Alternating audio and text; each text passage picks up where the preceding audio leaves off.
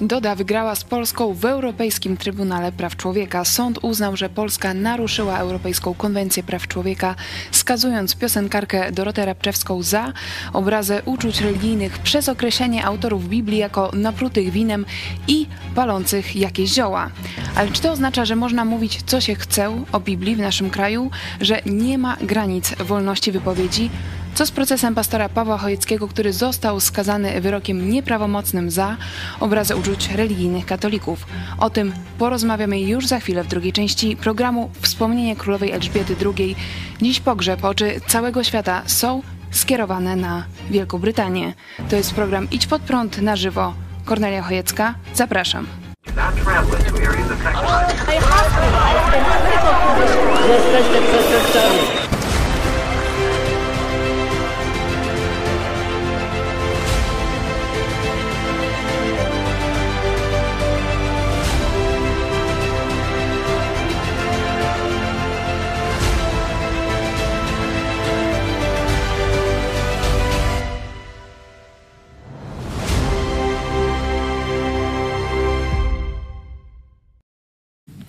Witajcie w telewizji Idź Pod Prąd. Jest poniedziałek, 19 dzień września. Zaczynamy nowy tydzień.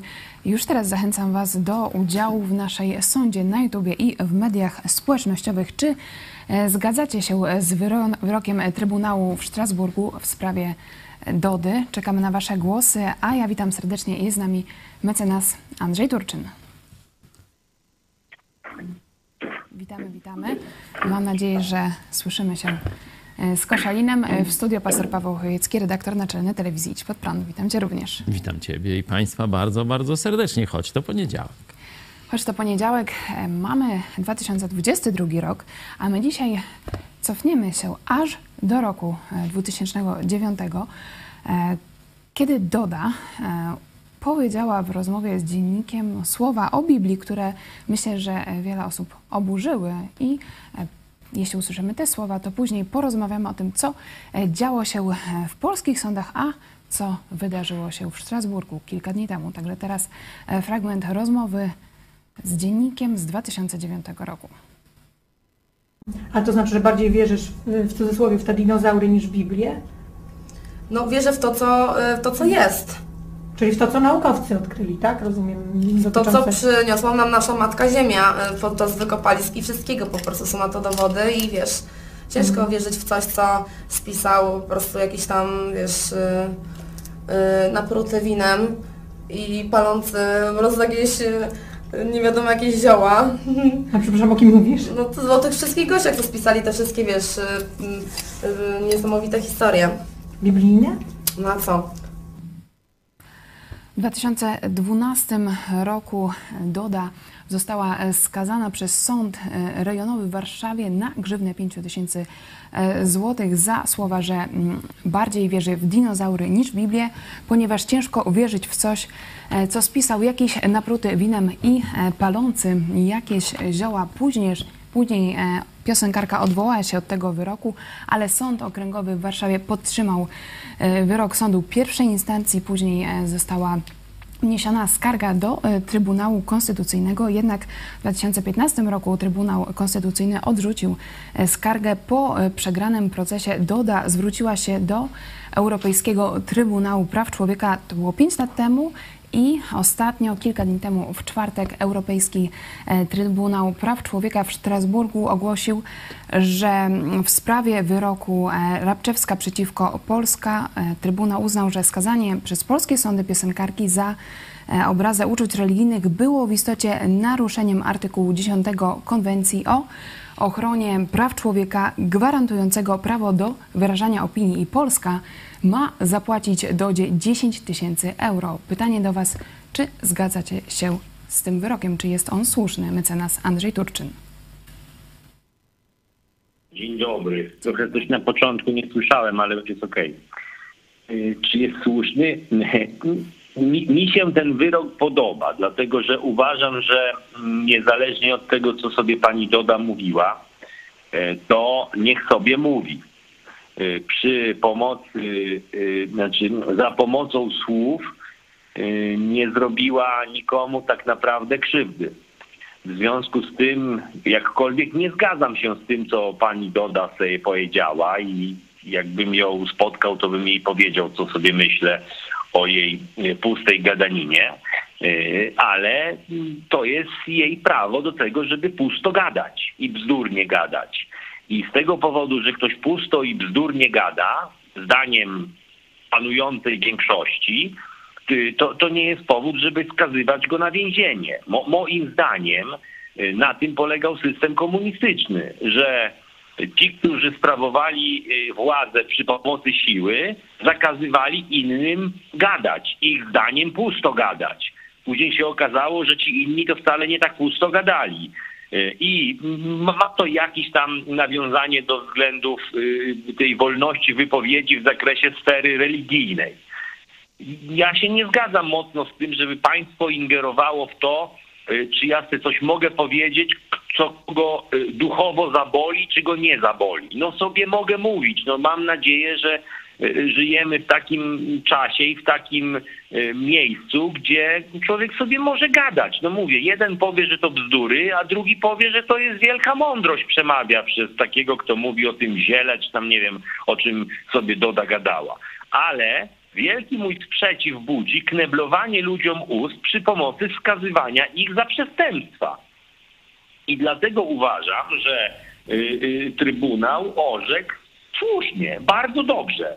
Jeżeli Polska y, y, nie radzi sobie z wolnością y, wypowiedzi, no to mamy takie instytucje, które powinny Polskę, które powinny Polsce wytykać jej błędy. Mam nadzieję, że będzie to miało wpływ również na jakieś przyszłe postępowania sądowe, które toczą się w Polsce, a być może także na te, które toczą się obecnie, a które mają za przedmiot podobne, podobne zarzuty jak w stosunku do Dody.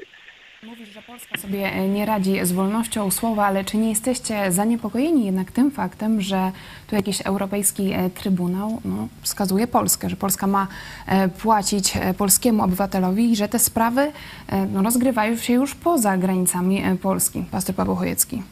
Na pewno jest to smutne, że zobaczcie Państwo, to jest 13 lat, kilkanaście lat nękania jakimiś procesami, przesłuchaniami, e, stawianiem się przed sądem, e, pisaniem odwołań, czekaniem na wyrok w jakiejś tam niepewności. Tutaj ten wyrok nie był e, specjalnie dojmujący, bo tylko grzywna jakaś, no to, to tam nie E, no może wielkiego stresu pani Doda nie miała, no ale na przykład w moim przypadku, no to prokuratura domaga się więzienia. Prokuratura domaga się więzienia. Sąd tam nie, jeszcze nieprawomocnie mi jakieś prace społeczne na razie e, wyznaczył, czyli no jest jakaś taka groźba e, no, zabrania części życiorysu człowiekowi, nie tylko części jego pieniędzy. Także to jest najsmutniejsze. 13 lat bujania się po sądach za wyrażenie swojej opinii. Mądrej czy głupiej, nie wnikam w to. Wyraziła swoją opinię i w Polsce 13 lat czekała, znaczy no nawet nie w Polsce, bo w Polsce nie doczekała się sprawiedliwości tu przez trzy instancje, tak jak zrozumiałem, e, to przeszło, tam Sąd Najwyższy odmówił i tak dalej, czyli widać, że w Polsce nie ma sprawiedliwości, jeśli chodzi o wolność słowa. To jest wniosek z tego, nie? Oczywiście nie podoba mi się, że to Europejski Trybunał dopiero musiał, można powiedzieć, sprawiedliwość przywrócić. Tu w Lublinie jest taka legenda. Nie wiem, czy wiecie Państwo, kto przywrócił sprawiedliwość w Lublinie. Oczywiście legenda, nie? Y, tam może jacyś napruci, jak tam dodam, y, powiedziała legenda, ale ta legenda jest, nie? że niesprawiedliwość w lubelskim sądzie jest, można powiedzieć, epicka. Nie? W, w, w lubelskich sądach wręcz no, przedmiotem legendy jest niesprawiedliwość i stąd taka knajpa kiedyś była, nazywała się Czarcia Łapa. Nie?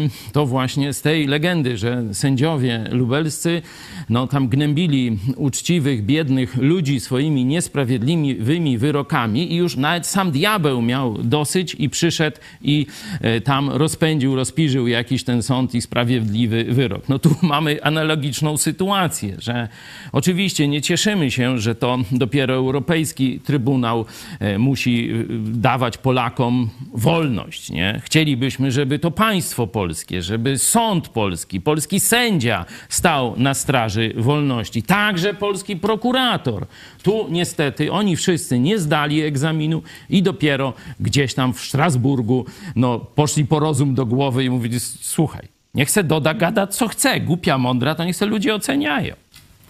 Trzeba zaznaczyć, że polski sędzia z Europejskiego Trybunału Praw Człowieka Krzysztof Wojtyczek złożył do wyroku zdanie odrębne i Wojtyczek twierdzi, że Trybunał pominął szerszy kontekst społeczny charakteryzujący się szybko rosnącą liczbą aktów religijno-fobicznych i sędzia uznał, że wypowiedzi Rabczewskiej ośmieszały grupy religijne, przedstawiając ich członków jako osoby słabo wykształcone, wierzące w przesądy, co mogło wpływać na ich poczucie godności, własnej wartości i pewności siebie. Co byście odpowiedzieli na ten głos polskiego sędziego, mecenas Andrzej Turczyn?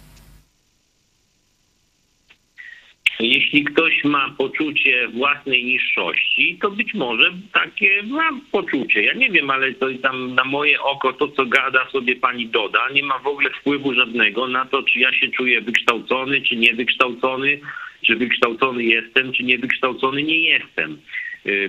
Moja moja wartość wynika z czegoś innego niż z tego, co mówi pani Doda.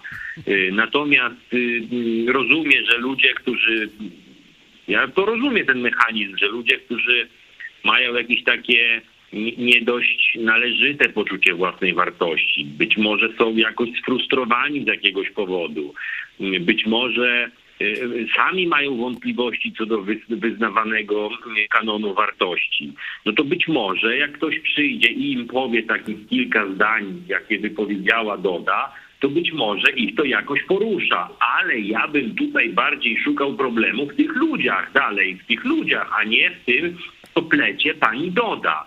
Bo jak mówię, ja się nie zgadzam z tym, co ona gada i w związku z tym to w żaden sposób nie może dotknąć mojego poczucia własnej wartości albo, albo nawet tego, że ktoś będzie sobie myślał, że jestem jakoś gorzej wykształcony. Ja swoje wiem. Dlatego uważam, że argumenty, które zostały zaprezentowane w tym zdaniu odrębnym, no jakby to powiedzieć, one takie one takie trochę właśnie taki ten taki katolicko-polski styl widzenia patrzą, że wszyscy, taki może nie katolicko-polski, to źle powiedziałem, taki pańszczyźniany styl widzenia, o tak bym to powiedział, nie? E, natomiast taki, taki jest taki spogląd takiego człowieka e, wiedzącego, gdzie jest, co robi i dokąd zmierza, to, to w żaden sposób nie może pani Doda swoim głupim gadaniem dotknąć. Pytanie też jak... Dla przykładu to bardzo niepokoi, stresuje, boję się, jak słyszę takie głupoty, które wygaduje ten sędzia w interesie Rzeczpospolitej Polskiej. Nie? Bo zobaczcie, Dlaczego? co on mówi. On mówi, że po, pojawiają się jakieś tam akty ataków na religię. Nie? No wiadomo, że nie chodzi o żadne religie, tylko chodzi o Kościół rzymski, rzymskokatolicki. Nie? No ale dobra, niech będzie, że on tu e, reprezentuje ogólnie jakieś tam religie. Doda, w bardzo takim spokojnym jakimś programu, tam programie śniadaniowym, czy, czy jakimś takim dla, wiecie, tam ludzi o tako, żeby sobie tam pogadać o bzdurach, nie? Opowiada jakieś swoje poglądy na temat Biblii, komu to zagraża. Zobaczcie, ten sędzia mówi, że to, co pani doda w tym programie jakimś śniadaniowym czy podwieczorkowym, pies ich trącał, sobie opowiada na temat Biblii, że to spowoduje agresję fizyczną na kościoły czy, czy na księży, czy na kogoś tam innego. To mnie przeraża. To mnie przeraża, że oni tam, ja nie wiem, czy on se, siebie reprezentuje, czy, czy to jest jakieś to może Andrzej trochę powie, czy on sam te mądrości wymyśla, czy, czy to jest jakieś stanowisko polskie, on tam się z kimś konsultuje, nie wiem, ten sędzia, ten odrębny, nie, co tam zaprezentował odrębność, nie wiem, od tam tego wyroku, czy zdrowego rozsądku, to już tak dalej, no bo to, to mnie przeraża. Nie to, co doda sobie tam pieprzy od rzeczy o jakichś naćpaniach, nie, swoich czy, czy cudzych. Co mnie to obchodzi, nie? Ale on ma władzę. On ma moc karania lub uniewinniania. Nie? I to, co on mówi, że opinie jakiegoś człowieka na, Bibli, na temat Biblii, na przykład, nie, będą teraz penalizowane, czyli trzeba karać za te opinie, bo ktoś kiedyś może na księdza napaść z powodu tych opinii, to mnie przeraża, bo to jest zamknięcie możliwości otwartej, uczciwej dyskusji na tematy religijne w Polsce. To jest zabranie Polakom wolności słowa i religii, panie sędzio. Pytanie teraz, jak między innymi ten wyrok Europejskiego Trybunału Praw Człowieka w sprawie Dody, ta kara, którą ma zapłacić Polska, czy według Was to może jakoś wpłynąć na prawo w Polsce? Od lat toczy się dyskusja o artykule 196 kodeksu karnego w sprawie obrazy uczuć religijnych, ale czy myślicie, że to może być e, taki sygnał, że zmiana nastąpi w polskim prawie? Mecenas Andrzej Turczyn. Moim zdaniem zmiany w prawie nie będzie w sytuacji, kiedy władzę, czy rząd, czy Sejm sprawował będzie, sprawowała będzie partia y, katolicka, jaką jest partia Prawo i Sprawiedliwość, która jest zakolegowana z biskupami. No to przecież nie, nie, jakby nie ma co w ogóle nawet się łudzić, że oni dokonają jakiejkolwiek zmiany w tym zakresie. E, być może ten wyrok będzie natomiast miał mm, znaczenie dla e, orzecznictwa sądowego. O ile to orzecznictwo sądowe, czy o ile to sądy, o ile te sądy zostaną mm, obronione, albo os, może obronione, może złe słowo, o ile te sądy ostaną się przed chęcią wpływu na nie przez władzę polityczną, tą samą władzę polityczną, narodowo-socjalistyczno-religijno-katolicką.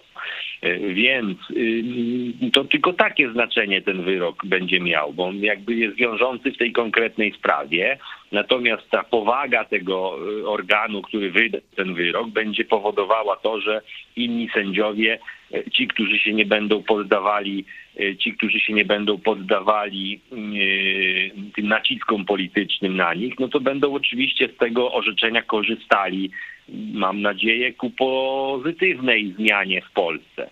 Natomiast o zmianie prawa to tam nie może być w ogóle mowy, kiedy rządzi partia mm, taka jak PiS. No to, to gdzie? Tu trzeba przypomnieć, że przecież z koalicji rządzącej, tam od tych ziobrystów, poseł Cymański był kiedyś gościem e, naszego programu, no i on bronił tego jeszcze większego zamordyzmu, żeby nie tylko to, co jest, ten paragraf o tak zwanej obrazie uczuć religijnych, choć nikt nie potrafi zde zdefiniować tych uczuć religijnych, to profesor Kilian o tym e, mówił. Jak można obrazić no, uczucia? Jak można, najpierw trzeba by zdefiniować, jakie to są, co to są uczucia religijne, nie? Wiesz, no, są uczucia sportowe na przykład, czy y, są uczucia filozoficzne, a może są uczucia ateistyczne. No bzdura kompletna, jakiś nowotwór, wiecie, językowy, który bardzo trudno zdefiniować. A teraz jeszcze raz, że tych uczuć religijnych nie możemy jasno zdefiniować, to jeszcze teraz, co to jest obraza tych uczuć religijnych, nie?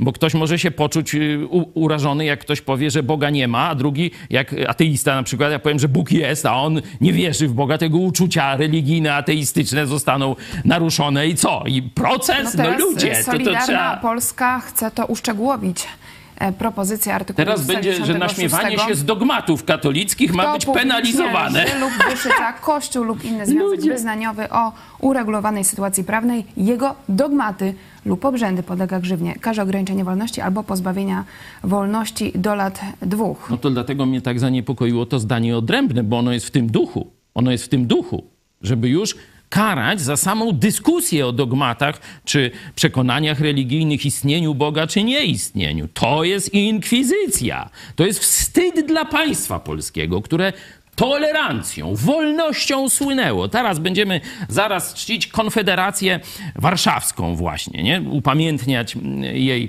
rocznicę i tak dalej, i tak dalej. Zobaczcie, Konfederacja Warszawska właśnie na tym polegała, że będziemy dyskutować, będziemy się nawalać argumentami, ale nikt przeciwko drugiemu szabli nie wyciągnie w, w sprawach sporów dogmatyczno-religijnych. Nikt nie będzie w państwie prześladował człowieka o innych poglądach, który będzie je publicznie wyrażał. Nikt nie będzie go ciągał po sądach, nie będzie dyskryminowany na urzędach. To będą czcić w parlamencie, a zobaczcie, co robią w tego typu procesach jak mój czy, czy ten, co robią w rzeczywistości. To jest obłuda faryzejska, katolic, katolicka komuna to jest, a nie żadne tam chrześcijaństwo, żeby ktoś nie pomyślał, że to chrześcijaństwo ma jakiś związek z tym nękaniem Dody i ciąganiem ich po sądach. To jest Taliban, a nie chrześcijaństwo. Wspomniałeś e, posła Cymańskiego z Solidarnej Polski. Zaraz pokażemy jego wypowiedź na naszej antenie, ale najpierw pożegnamy się z mecenasem Andrzejem Turcznem. Dziękujemy za rozmowę. Dziękuję bardzo, do widzenia. Do usłyszenia. E, Teraz poseł Tadeusz Cymański w telewizji Idź Pod Prąd w sprawie wyroku e, pastor Paweł Chojecki. Zna pan historii mojego procesu? Że za to, że powiedziałem, że katolickie sakramenty to pierdy, mam wyrok pierwszej instancji? Nie słyszał pan poseł o tym? Tak, i uważam, że nazwanie sakramentów pierdami publicznym przekazie, proszę pana, no to pan może tutaj tak uważać, ale to sędziowie y, cały czas. Ja się nie zasłaniam sędziami, ale No wierzę, właśnie, bo na że kogo się mam pan zasłaniasz. sędziów? To sędzia jednak ocenił pana o- oczywiście. No proszę Mamy pana, ja nie To pan ja chce mu dać bat albo nawet coś więcej, kraty dla ludzi, którzy Nie, mają odwagę o, mówić proszę prawdę pana. o kościele rzymskim w Polsce. Proszę pana, no proszę pana, bo widać z tego, co pan mówi, że pan w tej sprawie ma swoje ukształtowane poglądy i stosunek do kościoła też, tak? Mam No stosunek i jeżeli- ja- ukształtowane ja poglądy, tak, jak najbardziej. tutaj- Proszę pana, więc ja Kropkę. jestem tak wychowany, że ja bym nigdy nie nazywał pierdą jakikolwiek obrządek. Od Panie tego pośle. zacznijmy. A pan to zrobił. E, Panie pośle, e, Co z rzeczywiście... tego, panie pośle? Do więzienia chce mnie pan No. wsadzić? Nie, proszę pana, ale A, może pa, a właśnie tam, pan to zrobił pan, i chce dalej. powinien- Miałem proces, praktycznie on się ciągnie, na zamówienie polityczne, na zamówienie kościelno-polityczne, katolicko pisowskie i wiem, co to znaczy, panie pośle. Dlatego mówię e, w, troszeczkę w emocjach. Bo pan mówi teoretycznie i mówi tutaj rzeczy, no powiedziałbym bzdety, że chodzi o jakąś wolność. Nie, chodzi o dokopanie takim ludziom jak ja.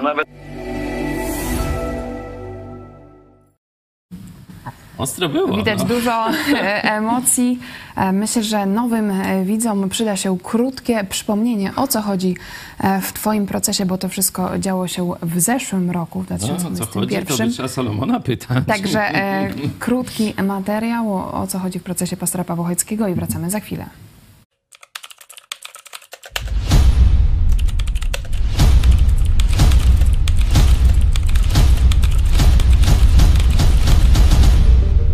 Ostatnio polskie media szeroko komentowały rozpoczęcie procesu karnego Pawła Chojeckiego, protestanckiego pastora, który został oskarżony przez rządową prokuraturę m.in. o obrazę uczuć religijnych katolików i zniewagę prezydenta Andrzeja Dudy. Z ust niektórych dziennikarzy, a także hejterów padło pod adresem pastora wiele krytycznych, a nawet obraźliwych słów. Pytanie, które z nich są zgodne z rzeczywistością? 10 czerwca zeszłego roku Sąd Okręgowy w Lublinie wydał wyrok. W Twoim procesie zostałeś skazany wyrokiem nieprawomocnym na 8 miesięcy ograniczenia wolności w formie prac społecznych oraz zwrot kosztów procesu ponad 20 tysięcy złotych. Do, do, tylko tam na 5 chcą skasować, miałem 20 parę. No. To jest obraza uczuć religijnych, między innymi i e, znieważenie prezydenta Andrzeja Dudy. Czy wiadomo coś więcej? Co dalej z Twoim procesem? no rok czasu, ponad rok czasu, bo to półtora roku minęło mniej więcej. No, sąd apelacyjny wreszcie wyznaczył termin posiedzenia na 22 listopada, o ile dobrze e, pamiętam. Także no, sąd wyższej instancji będzie miał okazję sprawdzić, co zrobił sąd z pierwszej instancji, nie? A co zrobił sąd z pierwszej instancji, to już wielokrotnie mówiłem. I jakie są Twoje spodziewania? Coś tam, żeby o spodziewaniach zaraz, nie? To jest Polska, to do sądu nie idziesz po sprawiedliwość, nie? To wiesz, to, jest, to zależy, zależy od przeróżnych czynników, nie? Także E, Ja się nastawiam na to, że będę wierny Jezusowi i będę dalej mówił prawdę. Nie? A o, to na to się nastawiam, a o reszcie to nie wiem. A jakie e, wnioski można wyciągnąć z tego e, procesu e, Dody? Patrzymy, to działo się przez kilkanaście lat, różne szczeble, sądownictwo polskie, teraz europejskie. Jakie ty osobiście z tego wyciągasz wnioski? Powiedziałem, wstyd dla Polski, wstyd dla Polaków. Nie tylko dla Polski jako dla państwa, to jest wstyd dla Polaków. Że Polska, która słynęła tolerancją religijną, gdzie rzeczywiście y, w innych częściach Europy to ludzie tam no, mordowali się, wojny i tak dalej. W Polsce ogólnie, można powiedzieć, w XVI wieku, bo też tam jakieś wyjątki były, to nie było aż tak różowo, różne tumulty i tak dalej. Jezuici podburzali e, tutaj młodzież, palili tam kościoły protestanckie w Krakowie, różne takie rzeczy się działy. No ale powiedzmy, że, że, że państwo jakoś to e, przeszło i mówi się o Złotym Wieku, o tolerancji, o wolności słowa w Polsce. To wszystko zostało zhańbione przez katokomunę czyli przez ten rząd, czy ustrój, który został przez katolickich biskupów i zbrodniarzy komunistycznych przy okrągłym stole i wcześniej przywódcę w Magdalence, koniec lat 80. Zostało tam, że tak powiem, zbudowane takie, taka, taki twór, nie? który dzisiaj właśnie kompromituje się na arenie międzynarodowej właśnie zabieraniem ludziom wolności wypowiedzi, wolności poglądów i wolności ich artykułowania w przestrzeni publicznej. Doda, choć głupia, ma prawo wypowiadać swoje głupie poglądy i tyle. Kropka. Oczywiście nie mówię o jej IQ, bo tu podobno ma bardzo Ponad wysokie. 150 rzeczywiście Tak, się ale mówię jeśli chodzi o o kontekście biblijnym, bo jeśli byście sobie otworzyli Biblię, czy to w Starym Testamencie, na przykład w psalmach, znajdziecie tam takie stwierdzenia. Głupi rzekł w swoim sercu, nie ma Boga. Nie? W Nowym Testamencie to apostoł Paweł e, bardzo dużo pisze o tym właśnie konflikcie światowej mądrości, inteligencji i wiedzy z objawieniem Słowa Bożego. Początek listu do Rzymian. Ja przeczytam wam początek listu do Koryntian. To jest pierwszy rozdział od 21 wersetu. Skoro bowiem świat przez mądrość swoją nie poznał Boga w jego Bożej mądrości, przedo upodobało się Bogu zbawić wierzących przez głupie zwiastowanie. Zobaczcie, słowo głupota pojawia się tutaj w odniesieniu. Sama Biblia o Ewangelii, o zbawieniu mówi, że w oczach świata to jest głupie. I co? I tu jakiś wyrok ma być? No ludzie, no opamiętajcie się, sama Biblia, może adwokaci Dody, ale to już wygrała proces, to już nie. Zobaczcie. Przeto upodobało się Bogu zbawić wierzących przez głupie zwiastowanie. Tu w domyśle Ewangelii. Sama Biblia tak mówi. Podczas gdy Żydzi znaków się domagają, a Grecy mądrości, tu właśnie doda jakieś niby mądrości, ona do tych Greków, nie? mądrości poszukują. My zwiastujemy Chrystusa ukrzyżowanego. Dla Żydów wprawdzie zgorszenie, nie? oni kamienie i zaraz tam zabijać tych chrześcijan, nie? a dla pogan głupstwo. No. Ale i my mamy prawo mówić o takiej dodzie, czy o innych ateistach, którzy tam takie rzeczy o Biblii wypowiadają, że no panowie, panie, no jesteście głupi w oczach Boga. Macie IQ, macie jakąś wiedzę, ale nie potraficie prostych faktów poskładać w układankę, że ktoś ten świat stworzył, ktoś nim kieruje, ktoś ten świat zbawił. I tym kimś jest Jezus Chrystus. Prosta rzecz. A oni tego nie potrafią zobaczyć. W oczach Boga są głupi. No cóż, to tylko powtarzam. Zobaczymy, czy Bóg też będzie sądzony w polskich sądach. Ale jakbyś miał chwilę e, na rozmowę z Dodą, co byś jej powiedział w kontekście tych jej słów, że wierzę w to, co jest, w to, co przyniosła nam nasza Matka Ziemia podczas wykopalisk, są na to wody, dowody. Ciężko wierzyć w coś, co spisał jakiś tam napruty winem i e, palący jakieś zioła, to w kontekście Biblii. Jesteśmy prywatnie, tak? Jakbyś mógł z nią porozmawiać, miał, miał na to chwilę, co byś jej chciał przekazać? Doda, nie pieprz głupot. Co ty wiesz o tych wykopaliskach? No znaleźli jakąś kość. Jaka prawda z tego wynika? No to jest już kwestia interpretacji. A ty, ty w ogóle wiesz, co to jest Biblia? Ty w ogóle ją przeczytałaś? Ty wiesz, jak powstała Biblia? Ty wiesz coś może o wypełnionych proroctwach Biblii? Może słyszałaś o tym, że kilkaset proroctw tego, jak przyjdzie Mesjasz, jaką śmiercią umrze, gdzie się urodzi, jak będzie postępował, jak wjedzie do Jerozolimy. Tyle, nawet kiedy, data jest podana. Kilkaset lat wcześniej. 600 lat wcześniej jest podana data. I co? Ty mówisz, że wierzysz w fakty? No to ty się w łeb stuknij, bo ty faktów nawet nie liznęłaś. Chodź, siadaj, poczytamy, to ci powiem trochę. Może zmądrzejesz. Masz wysokie IQ, powinnaś ogarnąć. Mogę ci wysłać. Jak chcesz. Dalszy dowód. Książkę o zmartwychwstaniu. Nie? Bo to jest centralny dowód na prawdziwość Biblii. Jezus zmartwychwstał, jest pusty grób. I teraz spróbuj to wyjaśnić. Wielu próbowało, i Żydzi próbowali, że to spisek, nie? I Rzymianie, bo przecież też politycznie im się to nie opłacało, nie? No i nijak, nie mogą. Dzisiaj, po dwóch tysiącach lat, profesora Coina, jednego z najbardziej e, poważanych ateistów, wśród ateistów, bo ja to tam go nie poważam, myślę, że dureń, z tego, co mówił. No ale ateiści po, po, po, poważają tego profesora. No i słuchałem go, no i pytanie z sali. Panie profesorze, tak mówisz, że oni to zmartwychwstanie tak pokazują. A nie można by tak obalić naukowo tego zmartwychwstania i byśmy już mieli spokój z tymi chrześcijanami, z Biblią? No, profesor Coin tu akurat błysnął intelektem i mówi: No, próbowaliśmy, ale się nie udało. Nikt do dzisiaj nie potrafi w sposób zdecydowany, przekonywujący obalić faktu zmartwychwstania. No i dlatego to chrześcijaństwo ciągle istnieje. Także zobaczcie, z drugiej strony dowód jasny, że są bezradni. To ty przestań ogryzać kości dinozaura, ty się weź za Biblię, doda. I przestań pierniczyć te głupoty, no. Ale dobrze, że wygrałaś. To Gratuluję. E, Przekaz do Doroty Rabczewskiej. Możecie też wysyłać nasz dzisiejszy program. Może dotrzeć do tej jednej z pierwszych e, polskich celebrytek. A ja mam już informację, że jest z nami e, mecenas Michał Wawrykiewicz, adwokat, współzałożyciel inicjatywy Wolne Sądy. Witam serdecznie. Dzień dobry. Witamy. Panie mecenasie, my dzisiaj rozmawiamy o wyroku Europejskiego Trybunału Praw Człowieka w sprawie Doroty Rabczewskiej i że Polska ma e, zapłacić 10 e, tysięcy.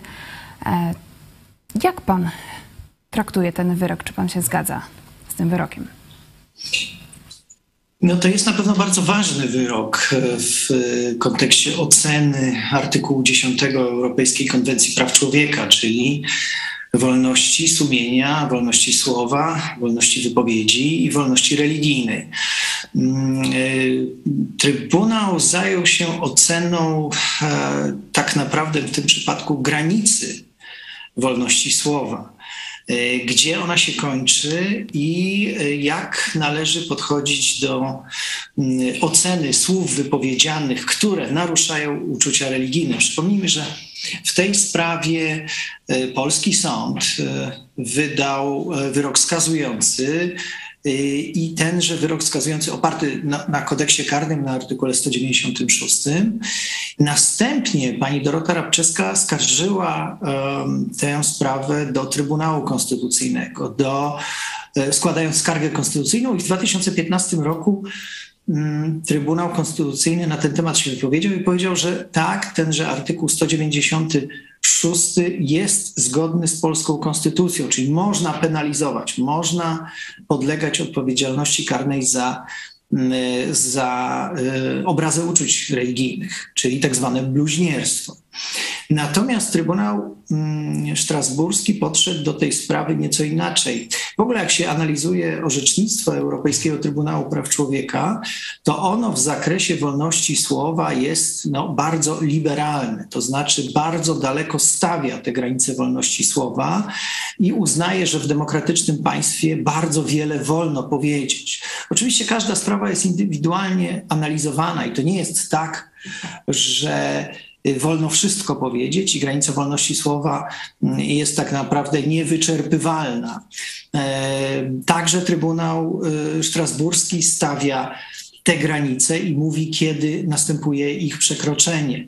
Ale tak jak mówię, każdą sprawę trzeba e, analizować indywidualnie. Tutaj, w tej konkretnej sprawie, e, Trybunał dokonał takiego mm, rozróżnienia. Kiedy naruszanie uczuć religijnych jest dozwolone, a kiedy stanowiłoby już przekroczenie mm, granic mm, zapisanych w artykule 10 konwencji, czyli granic wolności słowa. I Trybunał doszedł do takiego do takiej konkluzji, że przekroczenie granic wolności słowa w zakresie naruszenia uczuć religijnych nastąpiłoby wówczas, kiedy te słowa podżegałyby do nienawiści, podżegałyby do ataków na gruncie mm, religijnym.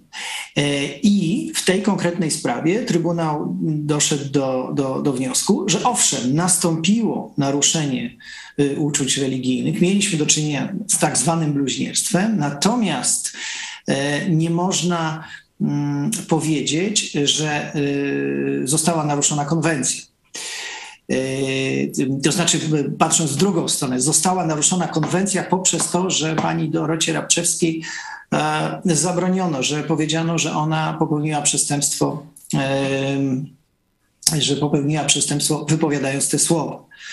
E, czyli e, innymi słowy przyznano jej prawo do takiej daleko idącej już nawet nie tyle krytyki, co e, daleko idącej wypowiedzi, nawet naruszającej uczucia religijne, ale nadal mieszczącej się w konwencyjnej Mm, granicy wolności słowa. To jest bardzo ciekawy wyrok. On będzie miał oczywiście ogromne znaczenie, dlatego że wyroki Europejskiego Trybunału Praw Człowieka są wprost stosowane także w orzecznictwie polskich sądów. A zatem w innych sprawach, które będą miały podobne podłoże, y, polskie sądy będą się odnosić do tego orzeczenia. Będą, y, to nie jest tak, że to jest sprawa wyłącznie w indywidualnej sprawie Mm, pani Doroty Rabczewskiej. To jest także wyrok, który będzie miał y, istotne znaczenie dla oceny innych spraw tego typu, czyli oceny naruszenia bądź niewolności słowa. Bym e, się nie zgodził e, z panem mecenasem, że z punktu widzenia chrześcijaństwa Doda popełniła bluźnierstwo. Nie? Bo bluźnierstwo e, to jest, jeśli już by gdzieś je umiejscawiać, to jest jakiś atak na Boga. Nie? A przecież ona zaatak zaatakowała tylko ludzkich autorów Pisma Świętego. Nie? Ja często słyszałem nauczycieli biblijnych, czy sam niekiedy wypowiadam podobne zdania, że sporą część ksiąg biblijnych napisali prości pasterze lub rybacy, czyli pastuchy. Nie? Tak można by, jak już by ktoś chciał e, troszeczkę pociągnąć dalej moją myśl. Ale głębia mądrości tam przedstawiona jest tak wielka, że profesorowie Sorbony nie mogą tego zrozumieć. Dlatego dla nas to jest dowód nadprzyrodzonego pochodzenia Biblii, że to Bóg jest autorem Słowa Bożego. Także w pewnym sensie, jak gdyby można powiedzieć, że e, Doda niechcący wręcz doceniła boskość autorstwa biblijnego. Także absolutnie tutaj, jakbym nawet chciał szukać jakiegoś obrażenia chrześcijan, bluźnierstwa czy czegoś, to ja niczego nie znajduję, panie mecenasie. Ja absolutnie e, tak ad vocem nie, nie powiedziałem, że mm, pani Rabczewska do, dokonała czy, czy, czy dopuściła się bluźnierstwa. Ja odniosłem się do uzasadnienia, do tego, co tak, napisał tak. Trybunał e, w Strasburgu. On powiedział, że należy rozróżniać te dwie kategorie. Należy rozróżniać podżeganie do mowy nienawiści, należy rozróżniać podżeganie do przemocy i to byłoby już przekroczenie wolności słowa. Tego nie wolno robić. Natomiast w, w sytuacji, w której nawet następuje e, naruszenie uczuć religijnych, które się nazywa fachowo bluźnierstwem, e, to nadal mieścimy się w granicy wolności słowa. Tak powiedział Europejski Trybunał Praw Człowieka. I tu się zgadzam. I jaka, jaka będzie według Pana odpowiedź polskiej strony? Czy rzeczywiście zapłaci te 10 e, tysięcy euro Dorocie Rabczewskiej? Ja myślę, że polski, polskie władze zapłacą to mm, just satisfaction, czyli to uzasadnione zadośćuczynienie.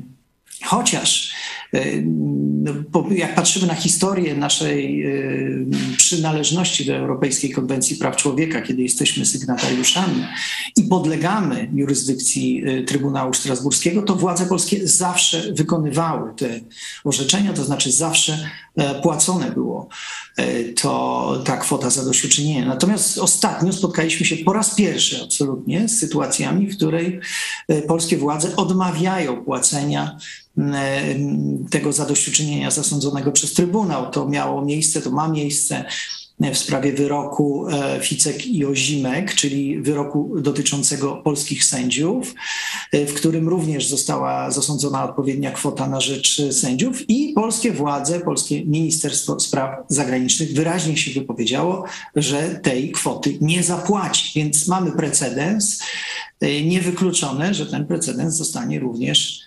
wykorzystany, zastosowany w sprawie pani Rabczewskiej. Natomiast tam mieliśmy do czynienia z kwestią ustrojową, z kwestią dotyczącą funkcjonowania polskiego sądownictwa, która jest gorącym tematem e, w relacjach, w sporze z Unią Europejską, z Radą Europy.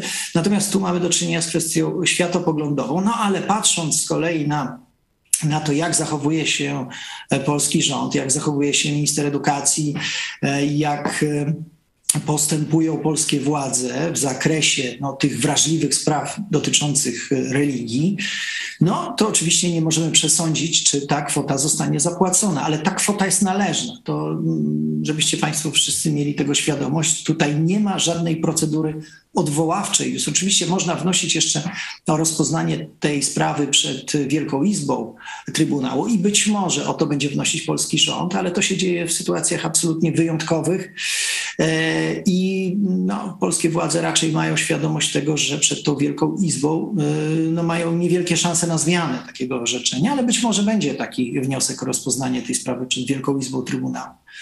Ale panie mecenasie, no rozumiem, że tu e, polski rząd e, nie chce płacić. Rozumiem też, że chyba nie ma jakiegoś jasnego mechanizmu zmuszenia tutaj rządu do wykonania e, tego postanowienia, ale chodzi mi o sam wyrok. Czy on przez ten wyrok europejski zostaje w jakiś sposób zatarty, anulowany? Coś, co się dzieje tu na, na poziomie prawa polskiego po tym wyroku?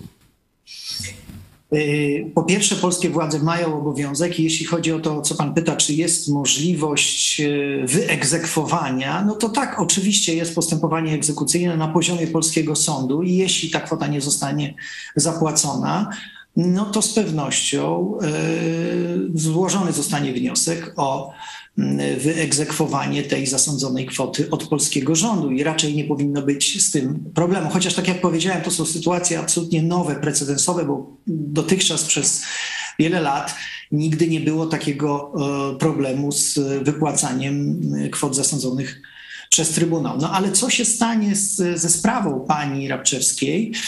E, no właśnie, tutaj jest dość trudny, trudne zagadnienie, no bo z jednej strony można myśleć o złożeniu wniosku o wznowienie tego postępowania i spróbowanie przeprowadzenia tego, e, tej sprawy na nowo. Jakkolwiek e, są orzeczenia Sądu Najwyższego, które mówią, że sam wyrok Europejskiego Trybunału Praw Człowieka nie stanowi samoistnej przesłanki do wznowienia postępowania. To są siódemkowe wyroki, które, które mają, mm, mają w tym wypadku zastosowanie, natomiast można próbować przełamać tę regułę. E, I e, spodziewam się, że skoro tutaj zostały zastosowane, wykorzystane wszystkie środki prawne do tej pory, bo była i skarga do Trybunału Konstytucyjnego, była skarga do Europejskiego Trybunału Praw Człowieka, co prawda to zajęło bardzo wiele lat, ale, ale mamy y, wyrok, który jest no, z pewnością ogromnym sukcesem y, wnioskującej, skarżącej, to myślę, że y, no, pokusiłbym się o, o, o, taką spekulację, że zostanie tutaj podjęta akcja prawna mająca na celu wznowienie postępowania karnego. I wtedy czym to wznowienie powinno się w myśl tego wyroku zakończyć?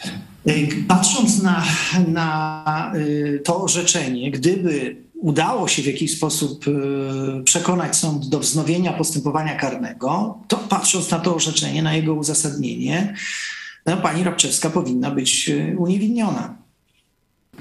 Czyli z automatu to nie działa. Czyli tu. Z automatu to nie działa, absolutnie. Czyli ona dalej, można powiedzieć, ma wyrok y, w, w myśl prawa polskiego. Jest winna. Tak, tak. Pomimo, że jest niewinna. Słucham? Jest winna, pomimo, że jest niewinna. No, polski sąd y, prawomocnie orzekł, więc ten, ten wyrok istnieje w, w obrocie prawnym. Co prawda nie wiem, czy już nie jest zatarty, ponieważ minęło wiele lat, ale, mm, ale y, to orzeczenie no, być może coś zmieni w tej indywidualnej sprawie, czyli mówię, być może uda się wznowić to postępowanie karne. Natomiast y, tak czy inaczej ten wyrok jest ważny dla innych spraw, dla oceny tego typu zarzutów, które będą kierowane, czy są kierowane w stosunku do innych osób. On także będzie miał znaczenie na y, tym polu nie tylko karnym, ale także cywilnym, bo przecież pamiętajmy, że sprawa naruszenia obrazy uczuć religijnych to też jest materia prawa cywilnego. E, Bardzo często mm, na tym tle pojawiają się pozwy o naruszenie dóbr osobistych. I w tego typu y, sprawach o naruszenie dóbr osobistych również orzecznictwo Europejskiego Trybunału Praw Człowieka, orzecznictwo na temat dziesiątki, artykułu 10 ma ogromne znaczenie. No i tutaj mamy zupełnie nową jakość, bardzo ważny wyrok, więc on, tak jak powiedziałem na początku, będzie zapewne brany pod uwagę przez polskie sądy. To jeszcze zapytam, jakie są szanse według pana mecenasa, przed chwilą pytaliśmy mecenasa Andrzeja Turczyna o to samo, żeby zlikwidować, wykreślić ten właśnie jakże kontrowersyjny, szkodliwy i e, no, krzywdzący dla wielu ludzi, którzy nie zgadzają się z głównym nurtem, tym katolicko-narodowym, ten paragraf o obrazie uczuć religijnych. Jakie pan mecenas widzi na to szanse?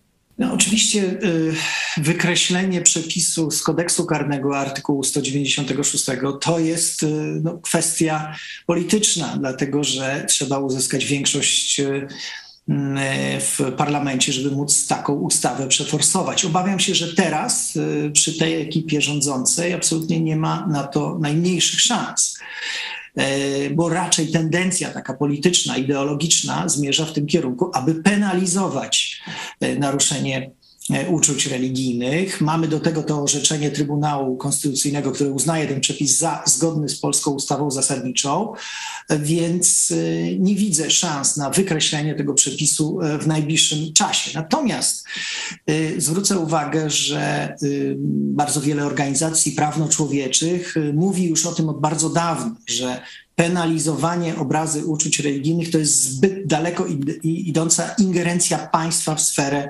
wolności słowa, wolności sumienia. Tak nie powinno być. To powinna pozostać materia objęta wyłącznie prawem cywilnym, czyli nie prawem karnym, a prawem cywilnym.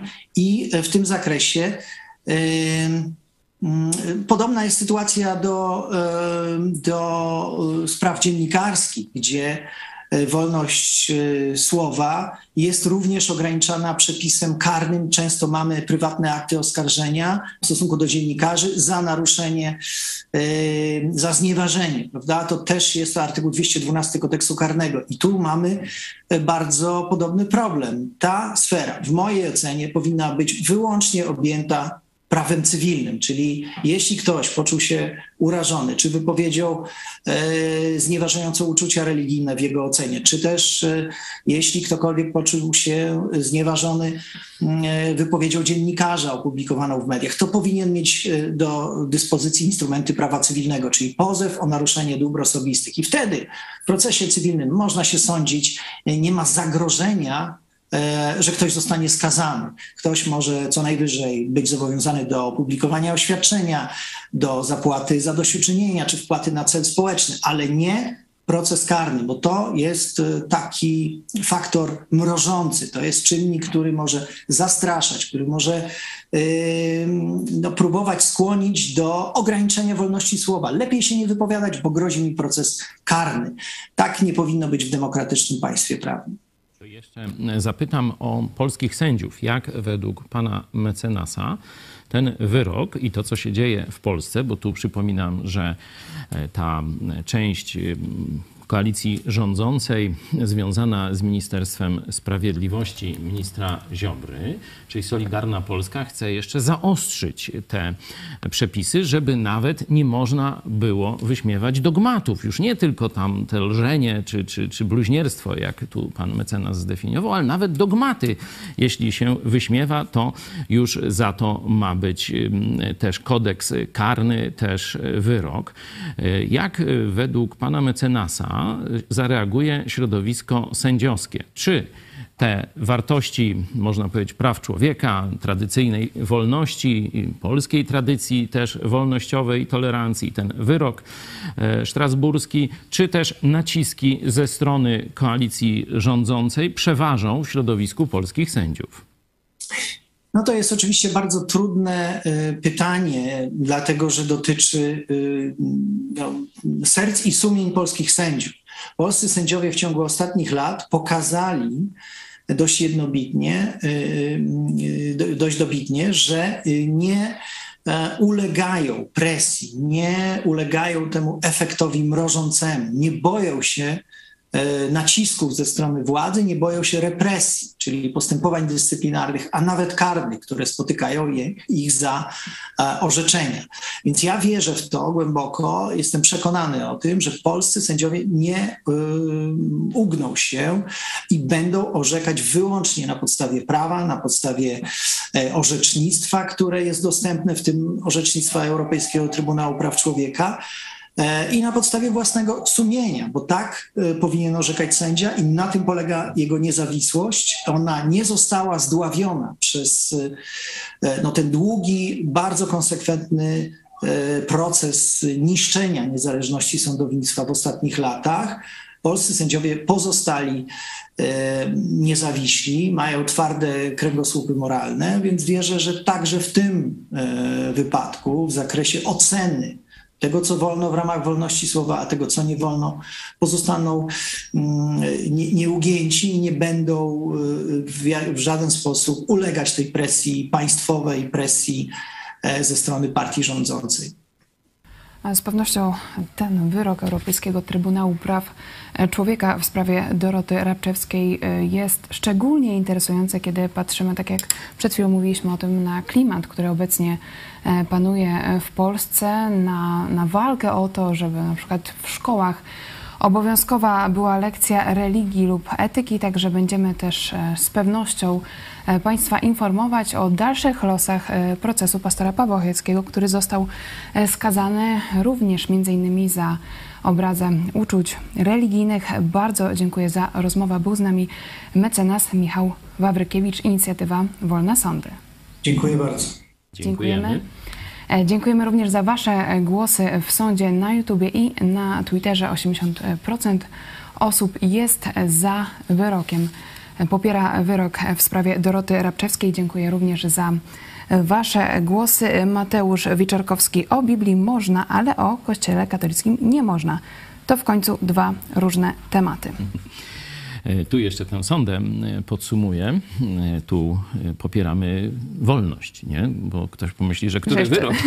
Chodzi oczywiście o ten wyrok mówiący, że Doda jest niewinna i może takie rzeczy mówić, co absolutnie podtrzymujemy, choć się z nią nie zgadzamy. Chętnie bym podjął rękawicę dyskusji, pomimo tego, że chyba mam mniejsze IQ od niej. Nie mierzyłem sobie nie wiem. Ale myślę, że jeśli chodzi o dostarczenie Dodzie niezbędnej wiedzy biblijnej, to mógłbym pomóc tej dziewczynie, która widać, że jest troszkę zagubiona w tych e, tematach.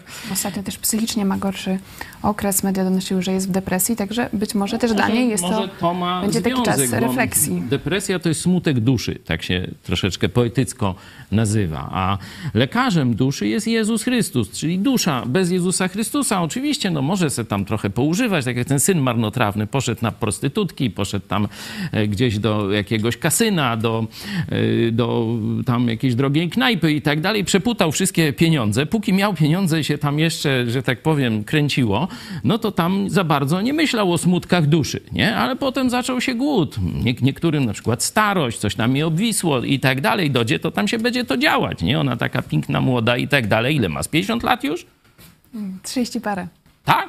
A, To, to przepraszam. Myślałem, że 50, nie? Bo oni teraz się tak tam już, Ale wiecie... może właśnie dla niej będzie ważna ta historia z To Samarytanką. w każdym razie to przed nią, bo to 40, kryzys wieku 40 lat, to już jest tuż, tuż, nie? To stąd może i ta depresja, że tu wiecznie młoda nie będzie, wiecznie nie będzie sobie tam tych chłopów dobierać, zmieniać i tak dalej. Może jakaś refleksja następuje, także doda z całego serca ci tego życzę. Jeśli chcesz, to jeśli chcesz się douczyć na temat Biblii, to zaraz dzisiaj, oczywiście to, to jest oferta dla każdego z naszych y, widzów, zarówno z tych 80%, którzy się zgadzają z nami, i tych 20%, którzy się nie zgadzają. E, Książka Zmartwychwstanie, napisana przez człowieka, który mniej więcej plótł takie bzdury jak Doda na temat Biblii, a nawet sobie postawił za cel, że obali chrześcijaństwo metodą naukową. Nie? Prawnik, historyk pomyślał, przeanalizuje fakty, pokaże ludziom, jak Biblia kłamie. Nóż wziął się do roboty i to jest efekt, to ta książka właśnie Zmartwychwstanie. Y, Wyślę ci PDF-em, tylko napisz teraz Oczywiście na, na czat. ispod.pl. Również e, Bezpłatnie oczywiście. e, film Sprawa Chrystusa. Jest to podobna historia, ale innego człowieka, który również No wielu ludzi się za to e, zabiera. na celu No, obalenie chrześcijaństwa. Mam nadzieję, że i doda, no tak ochoczo, że tak powiem, idąc w tym kierunku atakowania Biblii, że no wykona przynajmniej minimum pracy, żeby ją poznać, nie? I tło, jak Biblia powstała, y, jak mm, właśnie pr- przedstawia swoją nadprzyrodzoność przez wypełnienie proroctw. Nie takie, wiecie, że już po fakcie powiemy, że coś się stanie, nie? To jest niekiedy tysiąc lat, niekiedy kilkaset lat, niekiedy dwa tysiące lat przed różnymi wydarzeniami, a i dzisiaj możemy y, widzieć wypełnienie proroctw w biblijnych. Wystarczy sobie poczytać Apokalipsę. Na naszym kanale jest też cały taki, no, krótkie czytanie Apokalipsy. Jeśli chcecie więcej, to sobie zobaczcie. Niedawno mówiliśmy o 17 rozdziale e, Księgi Apokalipsy, który się właśnie dzieje teraz. Papież Franciszek komunista, nie? E, Papież Franciszek zdrada, zdradza cywilizację chrześcijańską. e, w Zresztą piątek- wielka prostytutka, 17 rozdział Apokalipsy. Zobaczcie, na naszych oczach się wypełnia to proroctwo, nie? Warto by zmądrzeć. 40 lat to już tak czas na mądrość, Dorota. Marcin e, Lewicki. Uważam, że ten wyrok może być pomocny w sprawie e, pastora i podobnych. Może przydać się też ten wyrok Europejskiego Trybunału w Twojej sprawie. Noż tam mecenas e, Wawrykiewicz był tu optymistą, jeśli chodzi o naciski e, sędziów, na, na sędziów. No, pamiętacie, możecie sobie to zobaczyć, jest na naszym kanale uzasadnienie mojego wyroku. E, I zobaczcie, czy lubelski sędzia z pierwszej instancji, e, czy on rzeczywiście jest niezawisły, czy stoi na gruncie sprawiedliwości, czy też chca, chciał użyć tego efektu mrożącego. Chciał, żebym przestał mówić to, co mówię i chciał przestraszyć innych pastorów. No już tam sami sobie wyróbcie zdanie. Ja nie mam wątpliwości co do tego. Kolejny głos. Czarnek i Ziobro zaskarżą i pewnie sami pojadą zeznawać, jak zostali to obrażeni przez Dodę. A już to tam tych pajaców to możemy e, sobie e, zostawić. Rozmawiajmy o poważniejszych e, sprawach.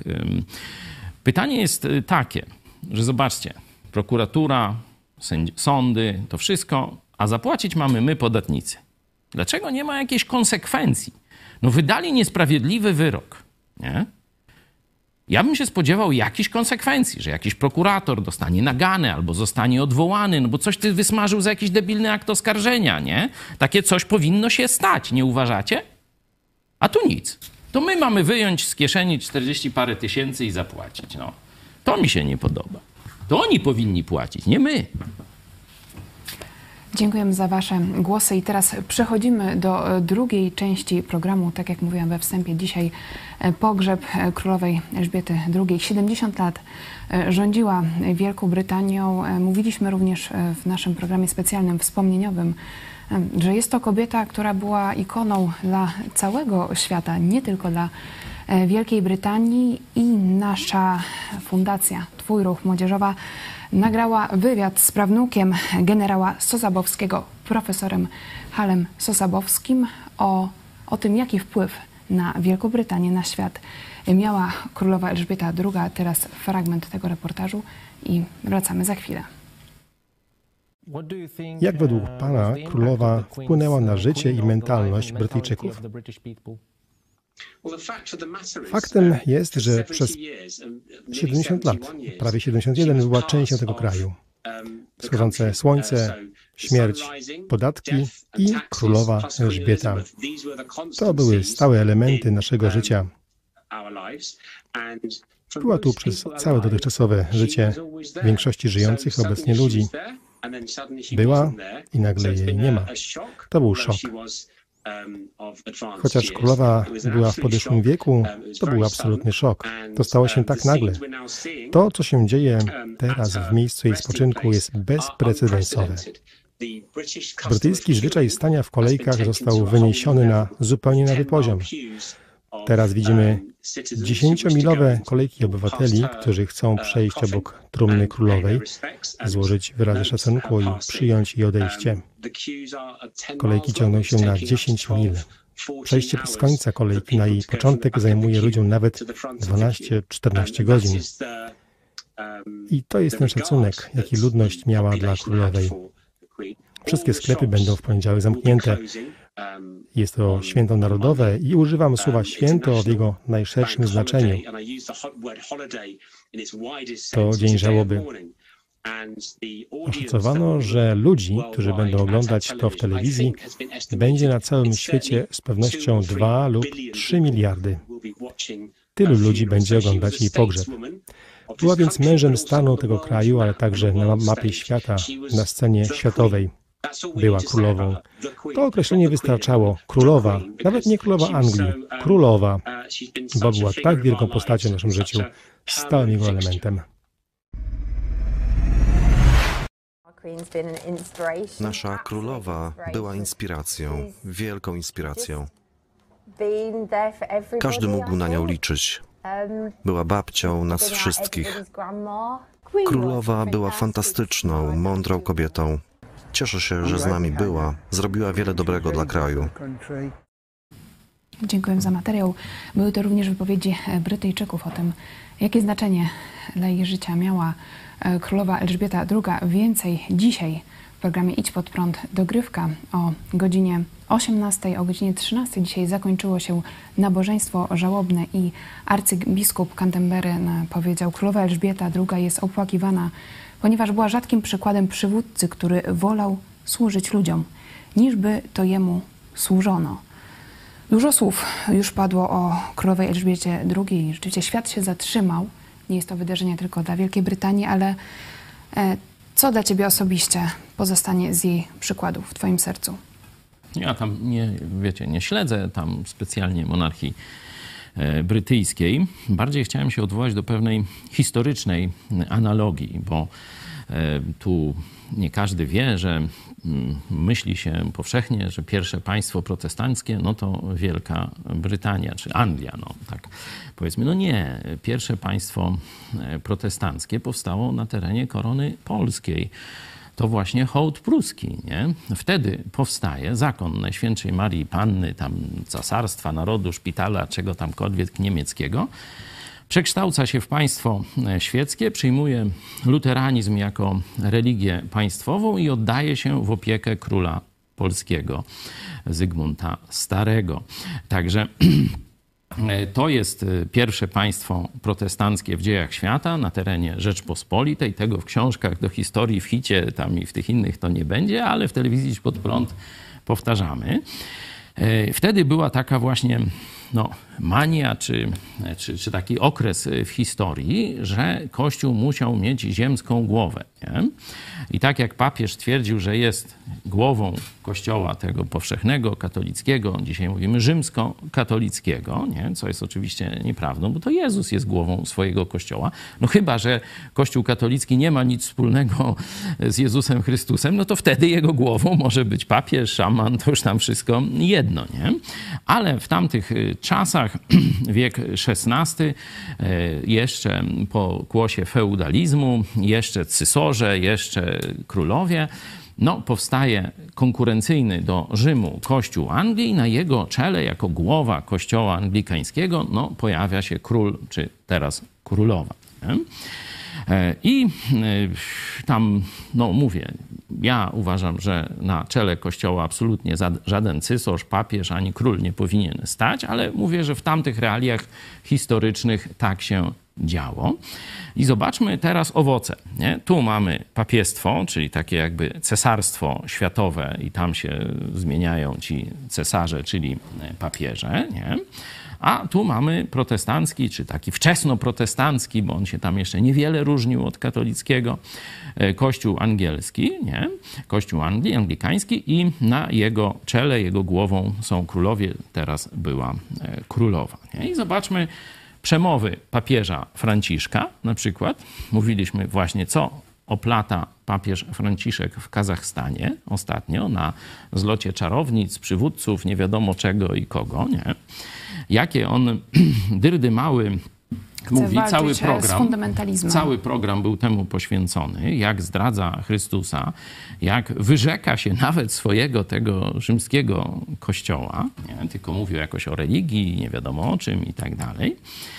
A królowa Anglii, zobaczcie, czyli głowa tego e, kościoła anglikańskiego, no cały czas w swoich tam orędziach takich, wiecie, no świątecznych, nie? To mówi o Jezusie, mówi o tym, jaki Jezus ma wpływ na jej życie, że ona jest wierną uczennicą Jezusa, że Jezus jest dla niej inspiracją, że Jezus jest fundamentem naszej cywilizacji. No takie rzeczy, zobaczcie, ciągle powtarza. No to gdzie, jeśli już by tak ocenić po owocach, gdzie ten depozyt chrześcijaństwa został lepiej przechowany? Czy w papiestwie, czy w kościele Anglii? Nie? No, dla mnie odpowiedź mm, tu nie jest zbyt mm, trudna. Podobną obserwację miał katolicki badacz Felix Koneczny. Tak mniej więcej czasy przed II wojną światową on badał różne cywilizacje, no i pod kątem właśnie takich wartości, powiedzmy, biblijnych czy, czy cywilizacyjnych, jak dobro, piękno, prawda i tak dalej, nie? I badał cywilizację, no tam badał prawosławie, badał katolicyzm, no i badał protestantyzm, tu akurat y, chodziło o Anglię. I wiecie, do jakiego wniosku on doszedł? No badał, gdzie jest najwięcej cukru w cukrze. Czyli w której z tych cywilizacji, które wszystkie się nazywają chrześcijańskie, jest najwięcej wartości chrześcijańskich. Nie? I wiecie, ten katolicki badacz, Felix Koneczny, wiecie do czego doszedł? Że najwięcej cukru w cukrze, czyli najwięcej chrześcijaństwa jest właśnie w tej protestanckiej Wielkiej Brytanii. To on e, mniej więcej 70-80 lat temu do takich wniosków e, dochodził. No i zobaczcie dzisiaj, porównajcie sobie to, co wyprawia papież Putina i Xi Jinpinga i co wyprawia, czy wyprawiała dokładnie królowa Anglii, głowa kościoła anglikańskiego. No to zobaczcie, zarówno geopolitycznie staje po właściwej stronie, mówi jasno o Chrystusie, wyraźnie wskazuje Chrystusa jako na fundament naszej cywilizacji, a tu macie zdradę geopolityczną, wspieranie Putina, komunistów chińskich i wyrzucenie Chrystusa poza można powiedzieć, obszar e, dialogu religijnego. Już tylko mówią o niebie, o nadziei, o religii, a nim o braterstwie, a nie mówi już o Jezusie Chrystusie. Sami wyciągnijcie wnioski. Zresztą jakby ktoś chciał pogłębić, wczoraj kazanie, no, to takie dla katolików, którzy próbują odnaleźć się w tej nowej rzeczywistości, kiedy ich Kościół całkowicie zdradza Chrystusa. Oni już to widzą, ale mówią, ale przecież są jeszcze sakramenty. Przecież to Jezus zlecił. No to posłuchajcie sobie. Nauczanie pastora Pawła Chojeckiego zamiast mszy, a teraz fragmenty wypowiedzi królowej Elżbiety o Jezusie Chrystusie. Dla mnie nauczanie Chrystusa i moja osobista odpowiedzialność przed Bogiem są podstawą, na której staram się budować moje życie. Ja, tak jak wielu z Was, w trudnych czasach czerpię wielkie pocieszenie ze słów i przykładu Jezusa.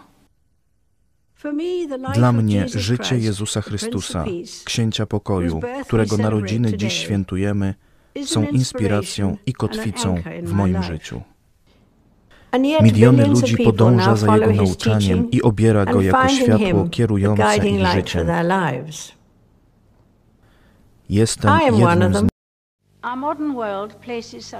Współczesny świat stawia tak ciężkie wymagania naszemu czasowi i naszej uwadze, że potrzeba przypominania naszych odpowiedzialności za innych jest większa niż kiedykolwiek. Często trudno jest zachować perspektywę we wzlotach i upadkach codziennego życia. co ten rok stale mi przypominał. Wiem, jak bardzo polegam na swojej wierze, by prowadziła mnie przez czasy dobre i złe. Każdy dzień jest nowym początkiem. Wiem, że jedynym sposobem na przeżycie mojego życia jest starać się robić to, co właściwe, patrzeć w przyszłość, dawać z siebie to, co najlepsze we wszystkim, co przynosi dzień i mieć zaufanie w Bogu. Jak wy, którzy czerpiecie inspirację ze swojej wiary, ja czerpię siłę z przesłania nadziei w chrześcijańskiej Ewangelii. To są bardzo poruszające e, słowa, kiedy wypowiada je e, brytyjska królowa. Tak słuchając królowej Elżbiety, e, przypomniałam sobie również prezydenta Ronalda Reagana czy Margaret Thatcher i jest to, jest to smutek, że takie osoby jakość, tak. odchodzą. Są to osoby na świeczniku, które miały odwagę mówić o swojej wierze, o wierze w Jezusa Chrystusa. No i powstaje pytanie, czy teraz, w XXI wieku, czy możemy liczyć jeszcze na takich światowych przywódców? Hmm. Myślę, że czas światowych przywódców rzeczywiście wraz z nastaniem mediów społecznościowych, on się trochę skończył, bo kiedy była telewizja, no to jeszcze dość łatwo było e, podzielić świat na tu jest ktoś, kto występuje w telewizji, nie? I to były rzadkie osoby, no a tu są pozostali, nie? Teraz zaczęło się to mieszać, nie? YouTube, media społecznościowe, no dały nam pewne równouprawnienie. Teraz każdy może sobie założyć kanał. My założyliśmy kanał właśnie Idź Pod Prąd i dzięki błogosławieństwu Boga, dzięki waszemu już od wielu lat wsparciu, a od już czwarty rok tysiąc gitar nam gra, no zobacz, zobaczcie, rozwinęliśmy taki kanał, gdzie w mojej kuchni tam, że tak powiem, żeśmy nagrywali pierwsze filmiki, czy tam gdzieś na ulicy z jakichś demonstracji naszych, nie? że rozwinęliśmy się w profesjonalną telewizję z codziennym programem, a raczej z codziennymi programami. Nie? Czyli to pokazuje, że dzisiaj... Przy okazji zachęcamy Was do wsparcia e, telewizji Idź Pod Prąd. Tak jak mówiłeś, cel na każdy miesiąc 1000 wpłat, teraz mamy 510. Także jest jeszcze na półmetku, o co choć walczyć. po 15. Także dzisiaj już taki czas na takie, wiecie, głowy państw i tak dalej, że tylko tak ich się słucha, to już się powoli skończył ze względu na zmiany cywilizacyjne, zmiany technologiczne. Przecież papież Franciszek. No i kto go słucha, nie? Znaczy, kto go słucha, ten sam sobie szkodzi. No, chińscy Nawet komuniści e, chińscy go słuchają. komuniści nie chcieli nie. się z nim spotkać. A, Walczył go, o, spotkanie w Kazachstanie, wiedzą, ale nie było to zgody. Jest, to jest kompletnie skompromitowana, nie mająca wielkiego wpływu e, persona. Także myślę, że dzisiaj um, raczej trzeba liczyć na miliony chrześcijan, którzy, każdy z nas, każdy z was i ty, odegramy wpływ w swoim małym otoczeniu. Dzisiaj czytaliśmy rano fragment z Ewangelii Łukasza, że mamy być jak światło dla świata i że tego światła nie stawia się gdzieś tam pod korcem, tylko na świeczniku, żeby wszystkim świeciło. Oczywiście musi to być dobre światło, to musi być nasz charakter, nasza mądrość, nasze słowa przemienione przez Jezusa Chrystusa, no to wtedy rzeczywiście będzie to świecić, wskazywać drogę do Jezusa jak latarnia morska. Nie? Także dzisiaj to jest zadanie milionów chrześcijan, to jest zadanie moje, to jest zadanie Twoje, to jest zadanie Twoje, nasz drogi widzu, żeby robić to, co możesz, żeby już nie przemówienie królowej mówiło o Jezusie, ale Twoje życie w pracy, w szkole, w rodzinie przede wszystkim, jak traktujesz swojego męża, żonę, dzieci, żeby to głośno krzyczało: Jezus żyje. Patrzcie, to są jego uczniowie. To jest dzisiaj nasze zadanie, a nie czekanie, że ktoś wielki za nas to zrobi. I też ważne jest, żeby być w jakiejś grupie chrześcijan, żeby nie być samemu, bo wtedy dużo trudniej e, zauważyć to, że ktoś ma rzeczywiście przemieniony charakter. Dlatego tym bardziej zachęcamy Was do kontaktu. Możecie również do nas dzwonić już teraz. Bez innych ludzi. Bóg stworzył nas jako istoty społeczne i najmądrzejszy człowiek na ziemi e, ludzki, znaczy taki całkiem człowiek, nie? bo Jezus jest jednocześnie Bogiem, jednocześnie człowiekiem, Bogiem, człowiekiem, nie? ale z ludzi Salomon, najmądrzejszy, nie? to powiedział, Żelazo ostrzy się żelazem. Taki był sposób e, ostrzenia noży. Wtedy do dzisiaj zresztą funkcjonuje. Kucharze też tak pięknie to robią. Żelazo ostrzy się żelazem. A w jaki sposób ma się zmienić mój czy twój charakter?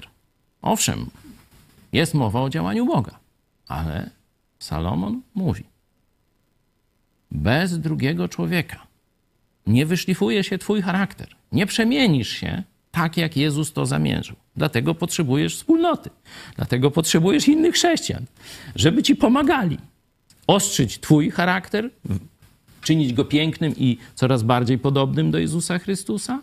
I ty masz takie zadanie w stosunku do innych chrześcijan, im pomóc się zmieniać na obraz i podobieństwo Jezusa. Także tu Jezus w sposób bezdyskusyjny i jego apostołowie pokazują, że każdy nowonarodzony chrześcijanin, który przyjmie od Jezusa zbawienie, zawoła Jezus, zbaw mnie, ma od razu szukać, w rzeczywistości zwykle to usłyszy Ewangelię od jakiegoś chrześcijanina, od razu szukać społeczności, wspólnoty, bliskości, oddziaływania z innymi chrześcijanami. To jest jak dwa razy dwa. To otwórzcie sobie dzieje apostolskie. To jest praktycznie, to są dzieje wspólnoty, którą kierował Duch Święty.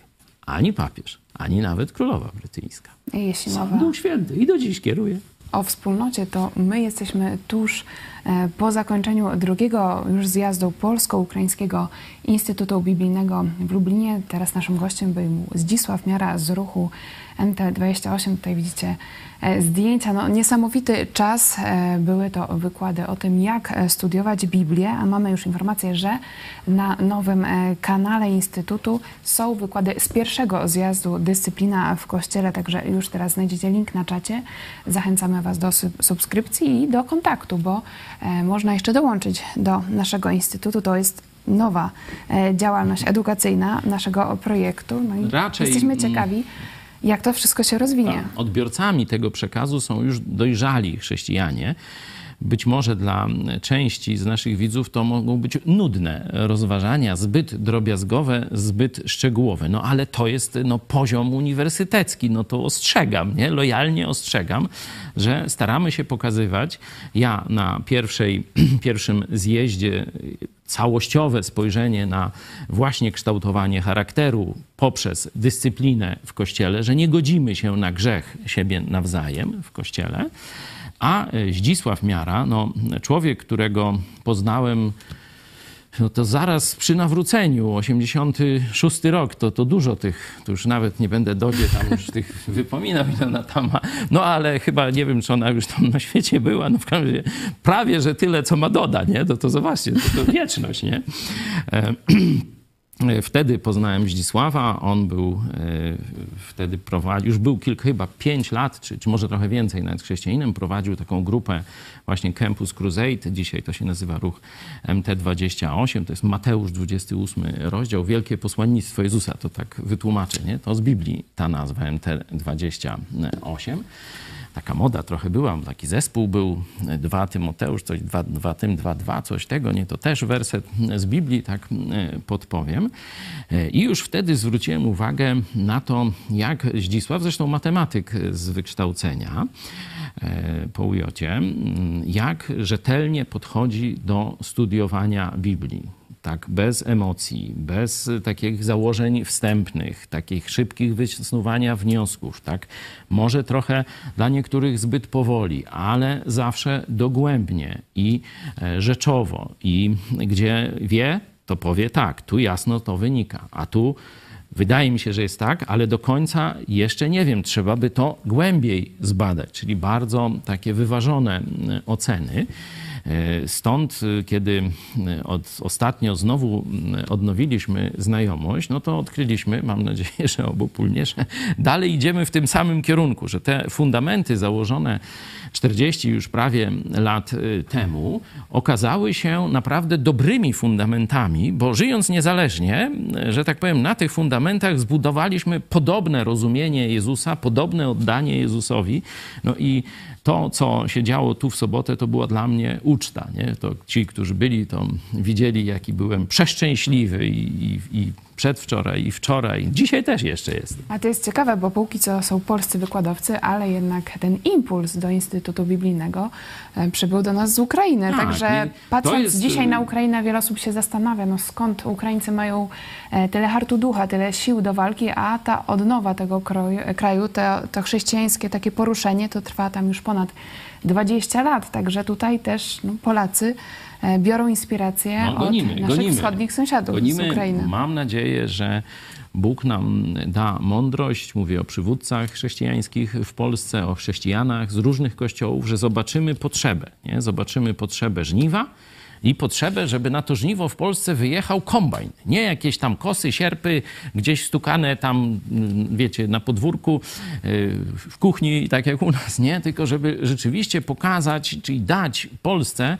mm, takie wspaniałe narzędzia do ewangelizacji, do budowania kościołów, do zakładania nowych wspólnot, do coraz lepszych programów telewizyjnych, które będą docierały do coraz nowych grup odbiorców z przesłaniem właśnie Jezusa Chrystusa. To jest wszystko przed nami. Naprawdę jestem pełen optymizmu, zapału do pracy dla Pana, tak jak apostoł Paweł taką, taki nakaz dał nam w liście do Koryntian. Zachęcamy do kontaktu. Piszcie do nas, jeśli macie też propozycje reportaży, współpracy. Jesteśmy na to otwarci jako środowisko telewizji Idź Pod Prąd, bo rzeczywiście potrzeba jest wielka. E, Tutaj w tym momencie zamkniemy nasz e, program. Jeszcze pomyśl dziś pastora Chojeckiego i e, kartka z kalendarza Piotra Setkowicza. Dziękuję Wam za udział, za Wasze pytania i komentarze i za udział pastor Paweł Chojecki, redaktor naczelny telewizji Idź Pod Prąd, który czeka na apelację, tak jak mówiliśmy. Ale dzisiaj dobre wieści. Dobre Mam wieści. nadzieję, że się zgodzicie, że dzisiaj było bardzo, bardzo optymistycznie. No, z, z jednym tylko wyjątkiem, że e, przy rządach katokomuny, no to tu e, przynajmniej legislacyjnie wiele się nie zmieni, ale Bóg jest ponad katokomuną. To też dobra wiadomość na koniec. Do zobaczenia. Do zobaczenia. Wielu ludzi myśli, że jeśli grzeszą w ukryciu, mają brudne, podłe myśli tylko w sercu, a na zewnątrz tam udają życzliwość, uśmiechają się, a gdzieś tam tylko w zaciszu domowym, kiedy nikt nie widzi, czy wobec swoich bliskich, e, bardzo brzydko się e, zachowują, że to jest lepsze niż otwarte grzeszenie.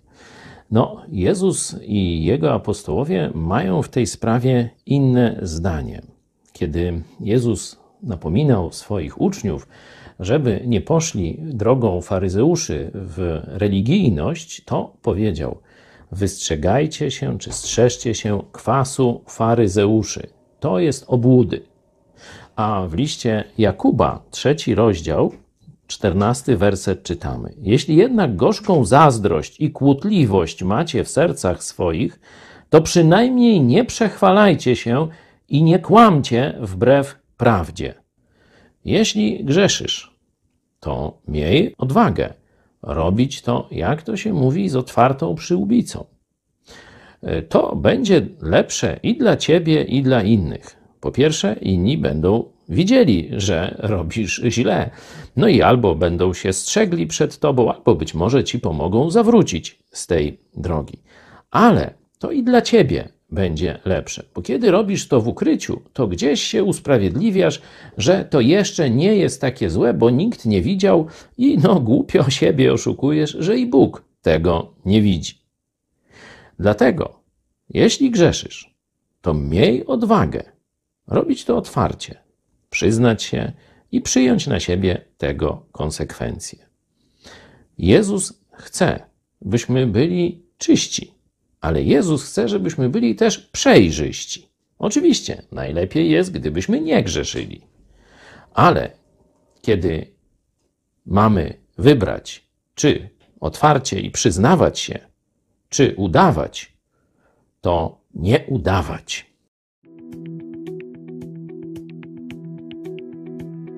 19 września 1939 roku 14 Pułk Ułanów Jazłowieckich pod dowództwem pułkownika Edwarda Godlewskiego podszedł pod miejscowość Dąbrowa Leśna koło Wólki Węglowej niedaleko Warszawy. Pułk należał do grupy operacyjnej kawalerii, która pod dowództwem generała Romana Abrahama torowała drogę oddziałom Armii Poznań i Pomorze, które po walkach nad Bzurą próbowały przedostać się do Warszawy lub Modlina. Do 14 pułku dołączyła część 9 pułku ułanów małopolskich. W sumie pułkownik Gondlewski miał pod swoją komendą około tysiąca żołnierzy. W Dąbrowie Leśnej Polacy natrafili na biwakujący oddział niemiecki. Niemcy nie byli okopani i nie spodziewali się ataku Polaków. Pułkownik Godlewski uznał, że można wykonać szarżę i polecił poprowadzenie jej porucznikowi Marianowi Walickiemu. Niemiecka piechota była całkowicie zaskoczona i wpadła w panikę, ponieważ